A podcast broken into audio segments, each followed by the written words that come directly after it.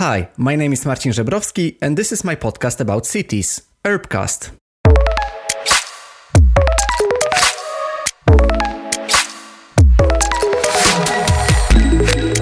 Hi, and welcome to the new episode of my podcast in English. And my guest is again connected somehow with Sweden. And actually, she is not living in Sweden right now, but she's coming from Sweden. So, you know, it's fair enough. It's another guest uh, which is uh, tied to, to Sweden very closely. But today I would like to talk about mobility and I would like to make some kind of an introduction to this very, very vast topic because mobility is something that many of us don't think about, you know, on the daily basis. And actually, mobility is something that is with us for, for thousands of years. Mobility was something that influenced how cities are developing and how cities were designed everywhere from Rome to Barcelona to cities in Asia, for example. I would like to talk about it. I would like to talk about those background assumptions of, of mobility in general with the lead urban designer and senior architect from Henning Larsen Architects, Sofia Lundeholm. Sofia is leading a collaborative study about future mobility between Henning Larsen Architects and Ramboll Smart Mobility, founded by Ramboll Foundation. The main aim of this episode is to introduce mobility and Sofia's study project to create the mobility networks and urban typologies of future human centric cities. I asked Sofia about some basics of mobility. We talked about why does mobility even matter and what are the current trends in mobility in general. I was also very, very curious about who wears the trousers in decision making. Uh, so to say, who is the one that decides about what will come next in mobility? Is it the users, the people, the citizens who kind of decide and start using some kind of new mobility? And that's how the um, policymakers change and adjust the city to the needs of the people, or maybe it is rather the other way around. So this is the policymakers, the city councils that decide on how the cities will look like, what modes of transportation will it will they use, and people somehow need to adjust to it, and they are being nudged by by the decision makers. That was something that I was very very interested in. And another key aspect of mobility is the autonomous cars uh, that are being very very hot uh, topic for the for the recent years. Uh, but still, my kind of doubt is that electric car or autonomous car it's still a car which occupies the public space, the parking for 23 out of 24 hours on average. So how can we transform our cities to the new mobility? So Welcome to the newest episode of my podcast, and let's answer the question What do we need to know about mobility?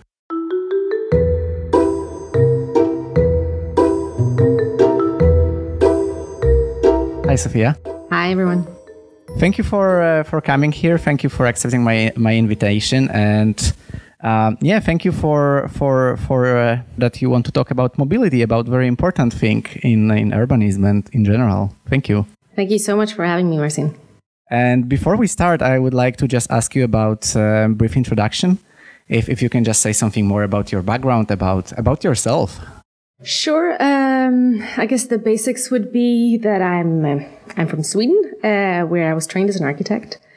Uh, I have, however, worked, worked on urban scale projects for most of my career. Um, I'm now at Henning Larsen, uh, but before I joined here, I worked first for a few years in Sweden, uh, and then for a few years in the US, um, before ending up here here in uh, Copenhagen, where I've been for the last uh, three years. Mm-hmm. Yeah, that would be the basics. Uh, once uh, when we talked, I, I, I remember you you've said that you liked you enjoyed living in New York a lot. Uh-huh, and yeah. and uh, can you tell me something more about it? Like, did it influence like your interest in in urbanism, in urban design and architecture? I'm I'm sure it did. It did. I mean, it, living in a city that large, yeah. uh, it really proves the the complexity and the dynamics of cities, uh, and especially uh, in relation to mobility, because uh, mobility can be a bit of a struggle uh, in, in, New York City for sure. um, and the importance of it and what it does to to your quality of life. Uh, but I really loved the intensity of the city for sure, and and I do miss that sometimes uh, being here in Copenhagen, which is certainly more more quiet. Yes, and. Uh, was it that you had to commute, for example, in the in the New York City? Was it like kind of that you had uh, experienced this daily commute, daily transportation uh, that influenced you somehow, or how how how was your living in in, in the New York? Um, well, well, I lived in two different places. One where I, I had to commute by um, uh, the subway, mm. uh, and then for a while, uh, the famous New York subway. Yeah, which was okay. I, it was it was a good spot, so it wasn't that long. Um, but then for a while, I actually also uh, lived on walking distance, which was uh, okay. really luxurious uh, walking distance to work. So it would take me like I think like 20, 25 minutes to walk, which was fantastic. I really loved that. Yeah. Did you bike a lot as well, or? I didn't bike actually. I, I lived in Philadelphia as mm-hmm. well, where I would bike, but uh, but I never um, I never biked in, in New York for some reason. Yeah. Uh, so before we talk about your mobility project that you are working on right now, I just wanted to ask you about uh, when did it start? Where did it start? I mean, here your interest in mobility. Mm. Um, well, I I think it's not. I can't really pinpoint a specific time or or uh, something that sort of opened my eyes to mobility. I think it's something that has gradually grown along with my interest in cities overall. Um, and the way I like to think of cities is sort of as these ecosystems, which means that they are never really static. Mm. Uh, so I think movement uh, is just an integral part of what what cities are. So I think to be interested in cities is automatically to be interested in mobility, at least from my perspective. Okay, so can we just uh, start uh, a, lit- a, little bit um, with this project? C- could you describe it uh, to the listeners? Sure. Um, so, what what we're trying to do uh, is to understand what all the changes and trends that are going on in mobility right now, because it, it's, it's a lot and it's happening really quickly. Uh, to understand what they mean um, to the way we design cities mm. uh, and to find the potential in those changes. Um, so, so we're trying to see, okay, what if if we uh, fast forward 30 years and uh, we see a new type of new type of mobility patterns in cities um, and, and we design for those mobility patterns, does that mean that we could actually design cities uh, that are more responsive to the human experience? Mm-hmm. Uh, so can we use this change to make our cities more dynamic, more accessible, uh, greener, more human scale, more beautiful, more sustainable? Like what's the potential in this? Mm-hmm. And, um, and it is, it is really important for us as urban designers and planners yes. to always think 30 years ahead because that's when our projects will actually be realized.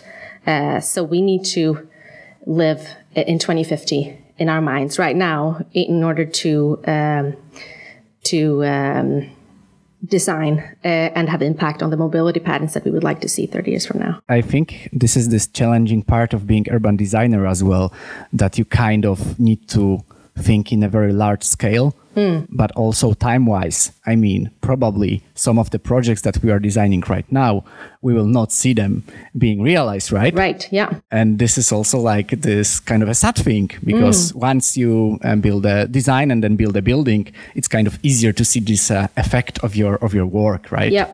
Patience is yes. hugely important in our profession for sure. Yes. Yeah. But also that just, yeah, further sort of emphasizes the fact that we, we need to live in the future mm-hmm. while designing in order to do a good job. And we need to understand um, the trends and tendencies that we see in our societies right now uh, and make a best guess on, on how they will develop mm-hmm. until the time our projects are finished.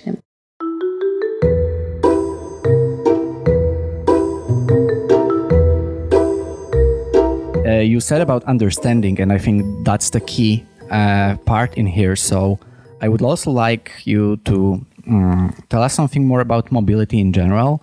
I think it's fair that we kind of introduce this mobility um, in general to, to, to, the listeners before we go forward mm. and talk about different aspects of it, different new modes of transportation, and also about the findings in your project. So, to start with, let's say about the, the basics of mobility why does mobility even matter nowadays? Yeah, why does mobility matter? I mean, if if you look, so if um, why mobility matters to to us as designers is of course that if you look at the shape of cities um, and the shape of the public public realm in cities, for example, um, it is pretty much completely informed by the way that people use that space, mm. of course. Uh, and the way people use that space in cities is by moving most of the time. So we need to understand uh, how people move in that space because that's going to inform the very um, shape and look and proportion of that space.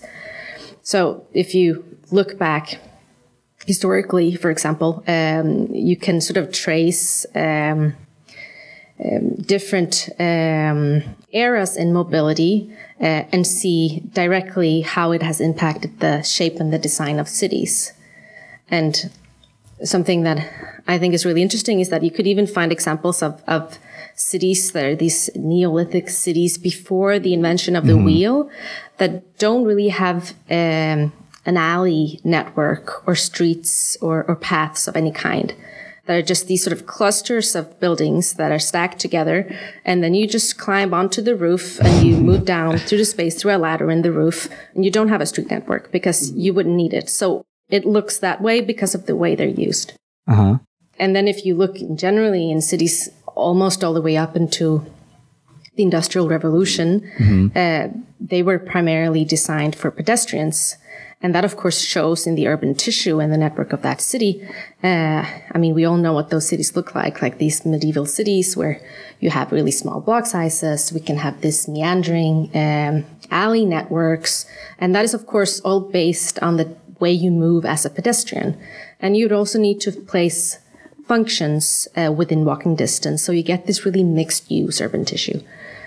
And then, of course, uh, the Industrial Revolution came around, which meant that cities needed to grow, mm. uh, and they grew up by a lot. Um, and in order to transport people more easily, uh, we sort of invented public transit uh, and trams was the big thing. And we started designing cities for trams. And then cities looked completely different from the cities um, before the tram.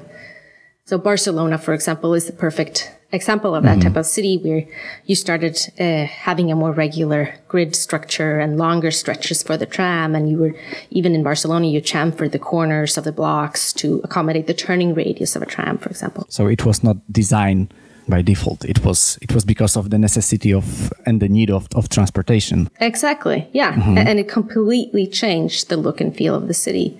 And of course, then the same thing happened when the car arrived. And I think most people know what that did to our cities. Mm-hmm. And it completely again changed the shape, the scale, the network, the spatial distribution, and, and, and all of that. Um, so why mobility matters, I think to us, it's, it's clear because it has an immense impact on the design of cities and the experience of cities uh, overall.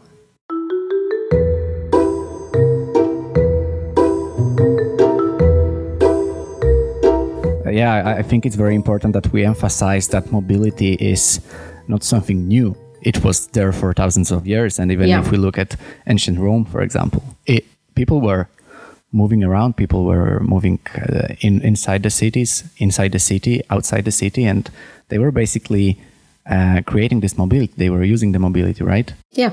Uh, so it was just developing over the years, and mobility is completely not a new thing. Mm. However, maybe we started talking about mobility quite recently. Yeah, and started calling it mobility, using that word.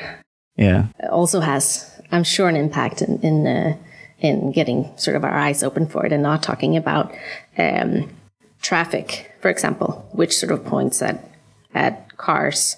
Um, we talk about mobility, which covers a wider range. But yeah, mobility can be a lot of things.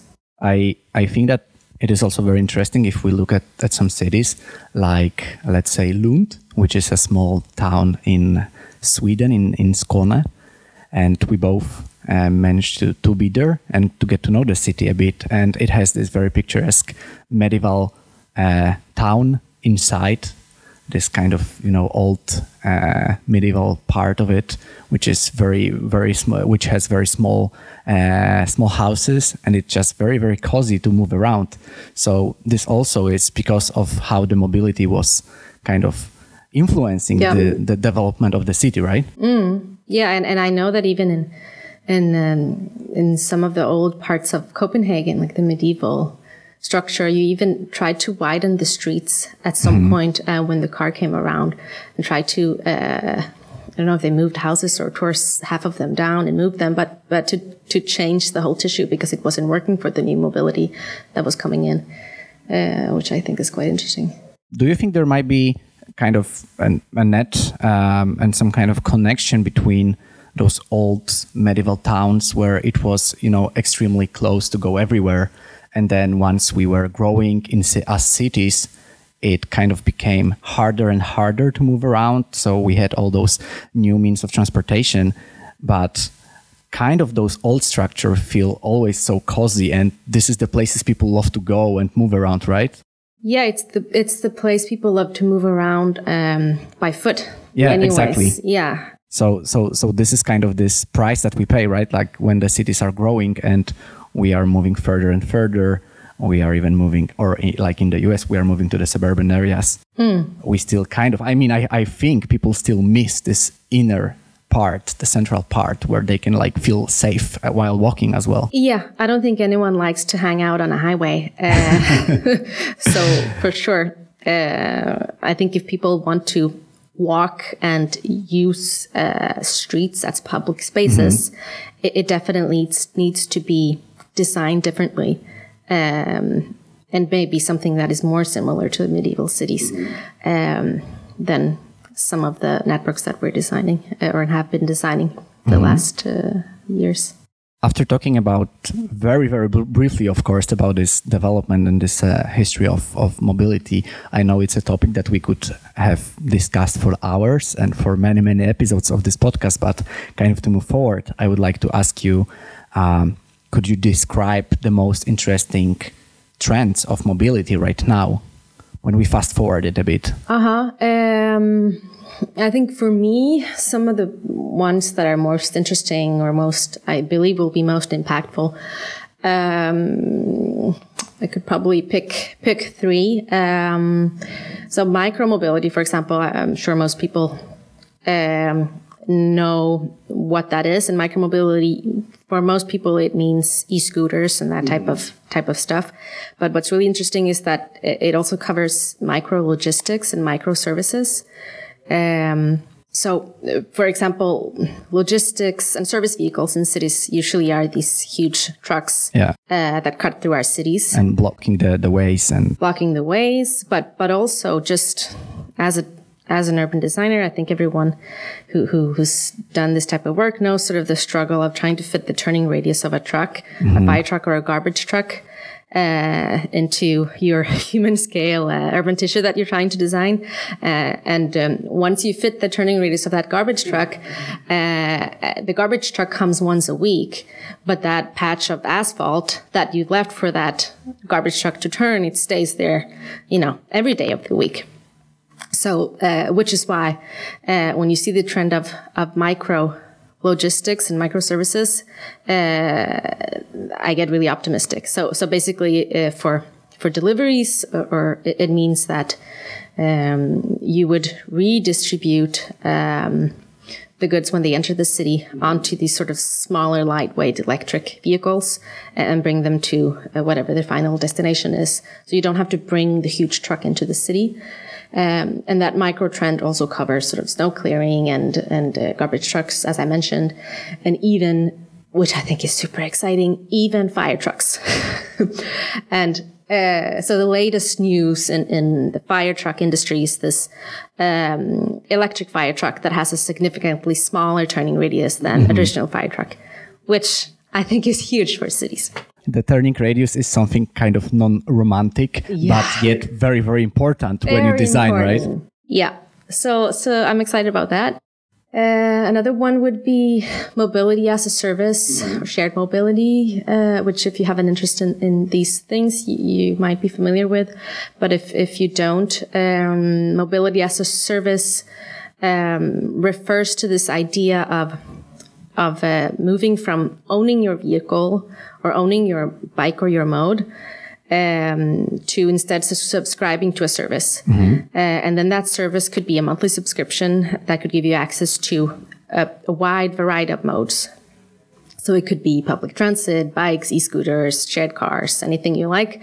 Uh, and then if it's like a full-blown mobility as a service system, then you would also have a trip planner integrated into that system to make it really easy um, to to be multimodal and switch between modes and plan your trip in the city. Um, and I think this is interesting because I think it could be helpful to um, push the shift away from uh, car ownership um, to not um, to to something that is, is more shared, basically, um, and also make it make it easier to use multiple modes mm-hmm. uh, and increase accessibility for sustainable modes by pairing them with other modes, for example. So, just to describe in a very easy way, you would treat the, tra- the transportation as a service, as if you have, for example, Netflix for the movies or Spotify for music, right? Exactly. Uh, so, you kind of provide, you kind of try to to to satisfy the customer and the customer's need, or is is the moving is is the mobility, right? So you kind of provide and you ful- fulfill the need. Yeah, and it com- becomes completely adaptable to mm-hmm. whatever it is that you need uh, that specific day.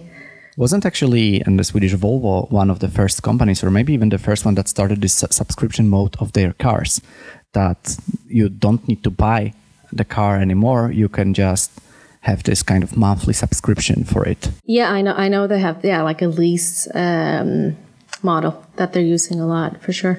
So that was very interesting to me because somehow I guess sometimes we have those periods in our lives that we might need the car uh, a bit more. So why do you uh, why, why why don't uh, uh just rent it or just why don't to subscribe to to to some um, time limited period of having a car instead of buying it, right? And then yep. having also this cost of maintenance attached. Yeah, and right? just having it sit around because yeah. I mean, it, on average, a car is used one out of 24 hours. And when it's used, it, it's carrying 1.2 people at a time. So it, it, you would just carry around all this extra capacity that you don't actually need. Uh, and then once in a while, you do need it. Mm-hmm. But why own it? Exactly. I think we will come back to those numbers as well. Mm. And now I would like to also ask you for this third trend of mobility. Right. I had one more. Right. So then I would want to mention uh, geofencing actually, mm-hmm. um, which is, uh, it's pretty simple. It's basically a virtual fence um, and, and, what the virtual fence does is that it can restrict or allow access to vehicles into that area, but it could also um, impact the speed of that vehicle. And right now it's being used a lot in e-scooters. So mm-hmm. it could, for example, uh, you could be on your e-scooter, then you enter uh, a slow speed area and it will, uh, will automatically slow down your speed. Um, there are also uh, e-scooters that uh, if, if you uh, drive up onto the sidewalk, it will automatically shut down because you just can't drive there. But will it read the, the difference of the level of the terrain or it's a gps uh, okay. system mm-hmm. that it's connected to and uh, since um, also cars um, new cars are are generally also connected um, and can communicate uh, through that gps system you could also use it um, use it for cars and and all vehicles, uh, um, especially looking forward. Mm-hmm. Um, so I think the potential is that is that it can help us manage a more dynamic approach uh, to the use of space in cities. Mm-hmm. Um, so I think it's going to make it easier to create multifunctional spaces. I mean, one is, is, that it's going to make it easier to, of course, restrict uh, um, access and speed, but you could also imagine having spaces that are um, allowing um, vehicles or cars in rush hour, um, and then uh, it, that space would be used as a park or, or something completely different uh, the rest of the time. Mm-hmm. And we can, of course, do that today with with signs or or putting up a temporary fence or whatnot. But it's mm-hmm. just going to be easier to manage a more uh, uh, dynamic approach. Mm-hmm. So, just to very briefly summarize, those three trends would be that the first one is that we kind of try to uh, change the way how, how we deliver our goods into more like lightweight way. The second would be the mobility as a service when we treat uh, kind of moving around as something that we want to have uh, to, to, to, be fulfilled and then we pay for it. And the third would be the, the uh, geofencing that is basically nudging somehow the behavior of, of, of, of people, right? Yep, that's right. and once we have it, I just want to talk about one more thing, which is who wears the trousers, so to say, who decides about the mobility trends. Um, so, who do you think is the most responsible? Uh, who do you think is the most responsible for the, the for the changes we have uh, in uh, in mobility? Mm-hmm. Um, well, I think uh, to understand mobility and why mobility changes, I think it's just about understanding human behavior, mm-hmm. essentially. And I think humans are ultimately quite lazy, unfortunately. Um, so I think it's pretty simple. I think mobility is about convenience. Um, and if, if we want people to make a certain choice, we need to make that, make that the easiest choice. So if we want sustainable mobility, um, that needs to be better mobility than the, than the other option, which would be unsustainable mobility.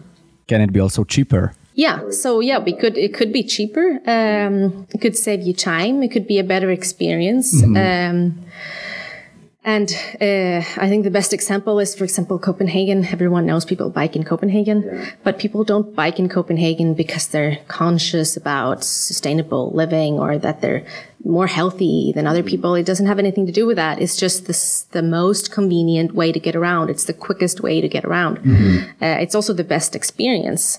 Um, but the experience you don't you don't know about the experience until you try it and you will try it the first time because it's it's quicker and it saves you time it saves you money uh, and it gives you a better experience as a bonus so i think if if we want to see for example less car ownership um, we need to provide better mobility meaning more choices than mm-hmm. what you get with with owning a car and more adaptable mobility and if we want to see less heavy infrastructure, um, we need to give something in return. And we can give green infrastructure and social infrastructure in return. Um, and if we want people to move at with slower speed in cities, um, we need to offer more connectivity mm-hmm. and more proximity and get you sort of closer to where you want to go um, in return. Mm-hmm so yeah, I think, and I think, of course, the design of infrastructure uh, plays a huge part in that. Mm-hmm. But who who do you think is now kind of more aware? I mean, once we know that, for example, certain uh, that, that some type of mobility, uh, let's say this new mobility, smart mobility, or or sustainable mobility, once it's like kind of more accessible by people. So, do you think that this is people who vote and kind of influence the decision makers in our cities to you know to start introducing some kind of mobility or this is the other way around that this is the city makers that that kind of find this mobility uh, the, the new mobility uh, means of, of transportation and they kind of enforce that on, on people to, to use I think that could differ a lot from city to city and country yeah. to country if it's more policy based or more market driven. Yeah, exactly yeah that, that, that was the main question in, in a nutshell. Like is it more the demand or, or this is more about the policy um, driven? I mean i i think it it can definitely be both. Mm. but i think the biggest um, and most important tool that we've got um, is is just on um, how how the infrastructure actually functions mm-hmm. um, and how easy or hard it is to use certain types of mobility, which of course can be driven by policy or it could be driven by design. Mm-hmm. I'm asking because I was just wondering what is more effective or maybe more common because from one hand side you have this decision makers or you know the city council and they say okay if you buy an electric car we will uh, give you some money for that or we will just add some percent of the of the amount of the of the of the new vehicle and we will it's kind of an incentive for people to buy or from the other hand side we have people who say okay, uh, they, they kind of team up or there is kind of, kind of a protest and they say, we would like to have more bike infrastructure because we know it's better for us and not cars. Yeah. So can it somehow meet in the middle or it's either or? Uh, I'm sure it can, but I, I don't know if I've ever heard of a protest uh, demanding more bike Yeah. infrastructure, even Yeah. though that would be fantastic if people did that. Um, so I think it's uh, yes, of course it could come from from uh, the bottom up, and, and that would be fantastic if you had um, people in power who would listen to that. Um, but yeah, I don't think I have a straight answer to uh, to how to merge that or exactly how how that would work. I think uh, where where we're living in Copenhagen, it it becomes quite easy because um, the city and the municipality have a, a big influence um, in the public realm and in um, infrastructure and how it develops. And from what it seems uh, uh, as of right now, they seem to have uh, hopefully uh, sort of people's interest in the city's interest in mind. Um, but yeah, I don't think I have a straight answer to that. Sure. I mean, it's very complex. I think I'm just wondering, like, how to plan for the smart mobility because we can uh, remember a couple of years ago when uh, there were the e-scooters that appeared in many many cities Yeah. around the world, and and I know the example from Warsaw that kind of the regulations and the law it it like it, it didn't catch up. At the beginning, and for for some years, you know, they there have been e-scooters like everywhere. It was uh, the the cities were almost like you know trashed with, with Yeah. it because it was not regulated where can we park them where should they stay like who takes care of them of course it's the provider most of the time but th- there were not the regulations and, and I, i'm just asking like you know about this game uh, how to kind of make it more smart Yeah, and I and I think that the the cities, uh, municipalities uh, have you know need to catch up on Yeah. regulation there. It needs to be regulated, and it needs to be quite strictly Mm-hmm. regulated uh, in order for it to work. Um, so I think they hold ultimately the the um, the most power um, in impacting mobility and mobility uh, choices that people make, uh, or at least I think they should have Okay. the most power.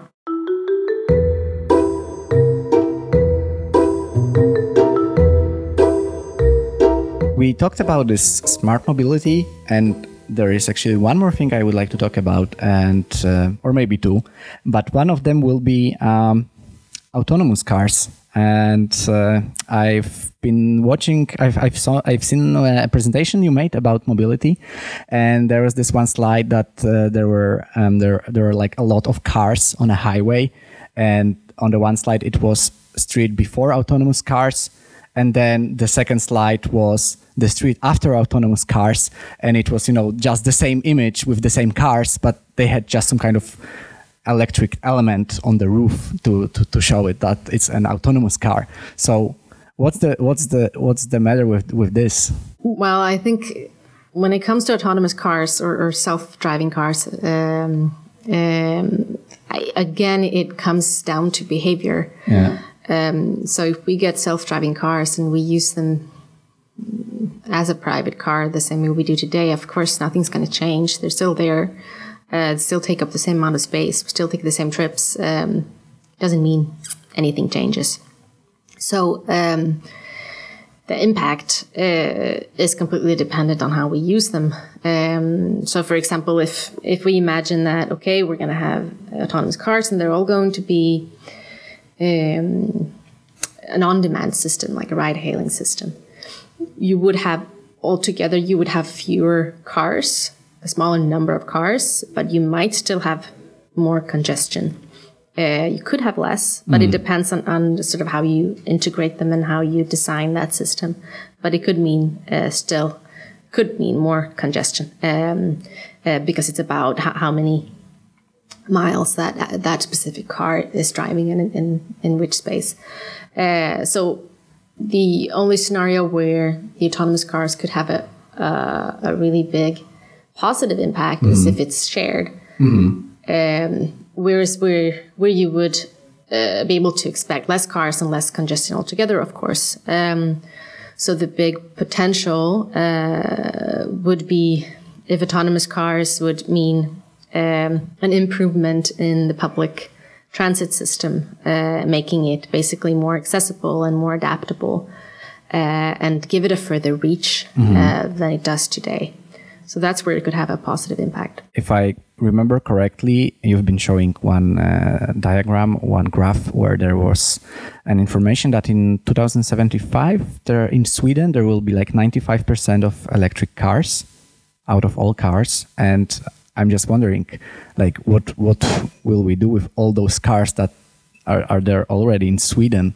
If, if we are about to replace them, you know, in 50 years, yeah, I don't remember exactly which which uh, data you're referring to, but but it might have been statistics about um, how, how, the proportion of cars sold, mm. and then I, I don't remember if that one also had like phasing out the old cars Maybe as they, the, the, as the, they this one, yeah. uh, grow old, and then you could see sort of how big part of the fleet is electric at what point, uh, and of course, a prognosis like that is really hard to uh, to know if it's accurate or not, but. Um, but yeah, we're definitely moving in that direction. I've been also uh, reading somewhere that producing an electric car takes way more, like many times more resources than it that it is now for like a, let's say normal car. Mm. And I was wondering if it's not you know against this whole movement towards more sustainable transportation. Yeah, I mean, I think I think it's great that we're we're getting more and more electric cars. Mm. Obviously, that's great, but uh, overall, we still need to aim for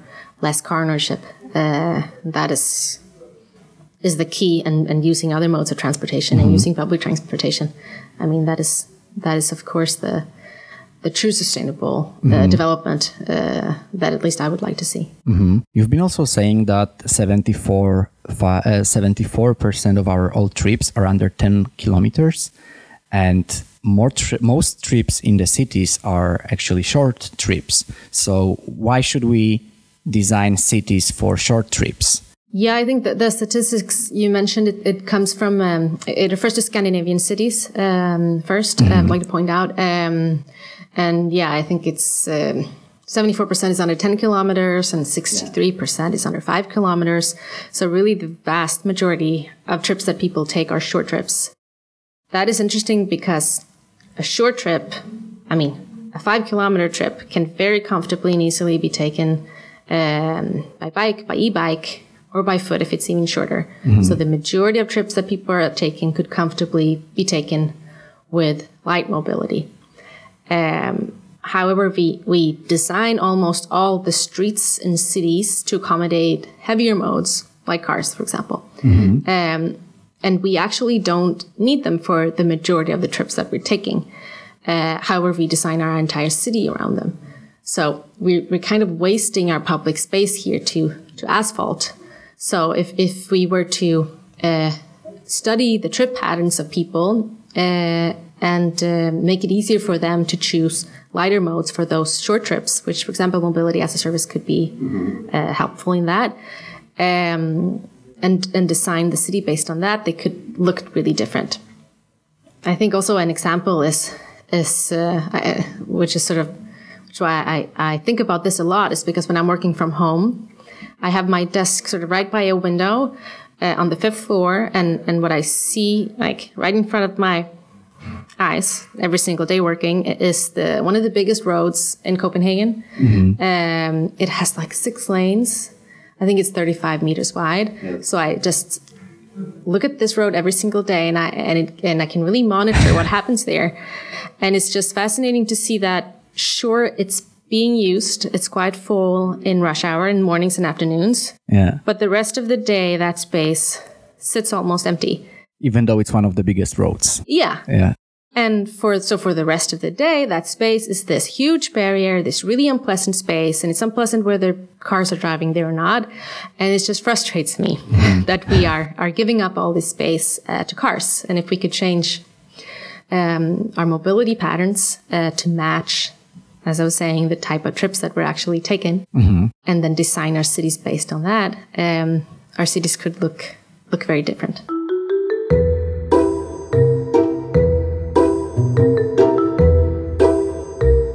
And to summarize it all, I wanted to, to ask about how to create the mobility networks and those urban typologies of the future human centric cities, because this is something that you've been uh, investigating in your in your um, project, which is uh, still ongoing. So mm. I will not ask you about maybe you know those final findings, but at least can you just uh, say what are the findings for now? Yeah, um, I mean, um, what what we we're trying to do is to demonstrate what a city looks like when it's being designed for the mobility future that we would like to see which would be more lighter modes paired with public transit, sort of what I just described.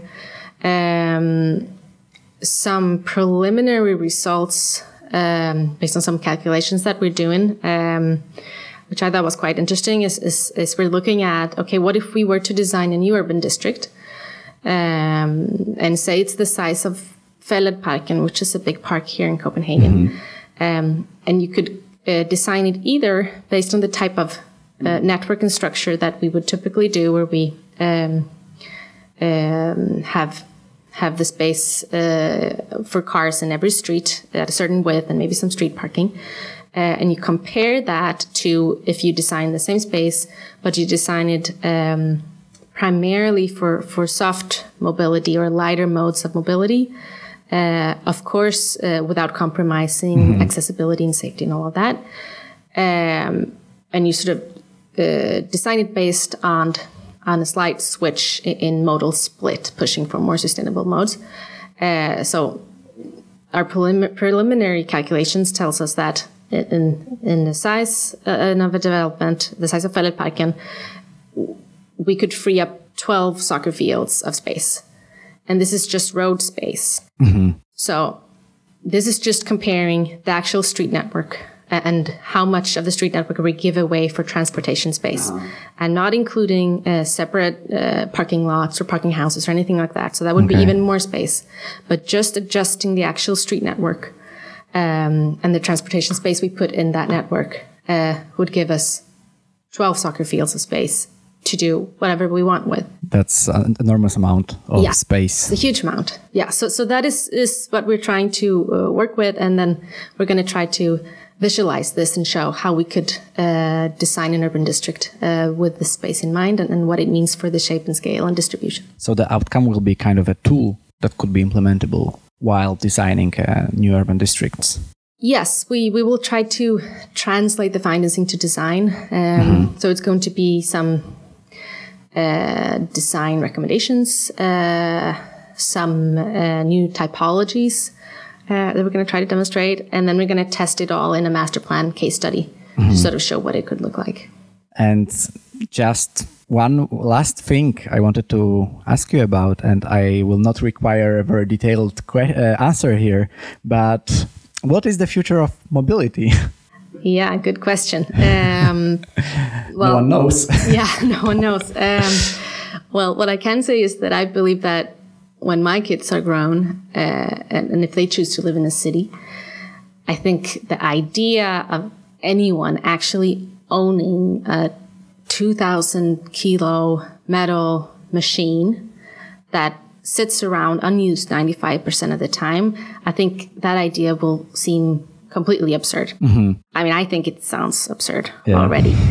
Um, so that, of course, doesn't necessarily mean that they won't have access to a car when they really need one. Uh, but I don't think they're going to be dependent on one single gadget or one invention, um, but a much greater diversity of service-based mobility options. Mm-hmm. So, yeah, in, in larger cities, it, it, it might be more multimodality with efficient public transit, of course, that you really need, uh, paired with small scale, slow speed modes uh, of course, including soft mobility, uh, walking and biking, and all that. Um, so that is not the futuristic answer. Yes, it's not a delivery drone or, or, something simple like that, but but it's more about um, about the mobility behavior that mm-hmm. I think uh, is the key to the future mobility. Mm-hmm.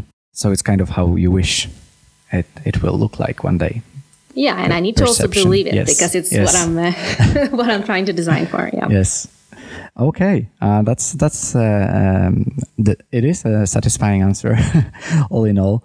And um, Yeah, what uh, book or article or, or kind of a interesting information could you recommend to the listeners? Uh, yeah, I think on this topic, um, like if if um, if you'd like to learn more about uh, some of the things we talked about, um, I could probably recommend uh, two papers that Ramboll has put together. Mm-hmm. Uh, one is called "Achieving Sustainable Micromobility," um, where they look at data from uh, most part my uh, e-scooters and try to analyze that. Um, and then they've done a study uh, called Whimpacts, where mm-hmm. uh, they've evaluated the data from the world's first mobility as a service system called Whim, uh, which is in Helsinki, which I think has some some interesting stuff in it. Um, and, and, in general, um, I think the International Transport Forum is also something to check out. Uh, they've done some some studies and uh, simulations on the spatial impact of uh, and impact overall of shared mobility and autonomous cars. Mm-hmm. So if you want some more data on that, uh, check out the International Transport Forum. I will of course add those uh, sources in the in the description of, of this episode. And where can the listeners uh, follow your professional work and outcomes uh, of this project? Yeah, I think I mean Henning Henning Larsen will through um, through our outlets share the outcome when it's ready. So if that's uh, your preferred choices, uh, LinkedIn or or whatever it might be, or, or I'm sure the website, uh, you can all find it there. Uh, I'm also available on LinkedIn if mm-hmm. anyone wants to contact me, um, and we'll make sure to share the results there as well. I'm looking forward to hearing something more about it and and and especially the outcomes of the projects. It sounds very very exciting. But so far, I would like to thank you very much for for the conversation that we just had, and thank you for your time. Thank you so much.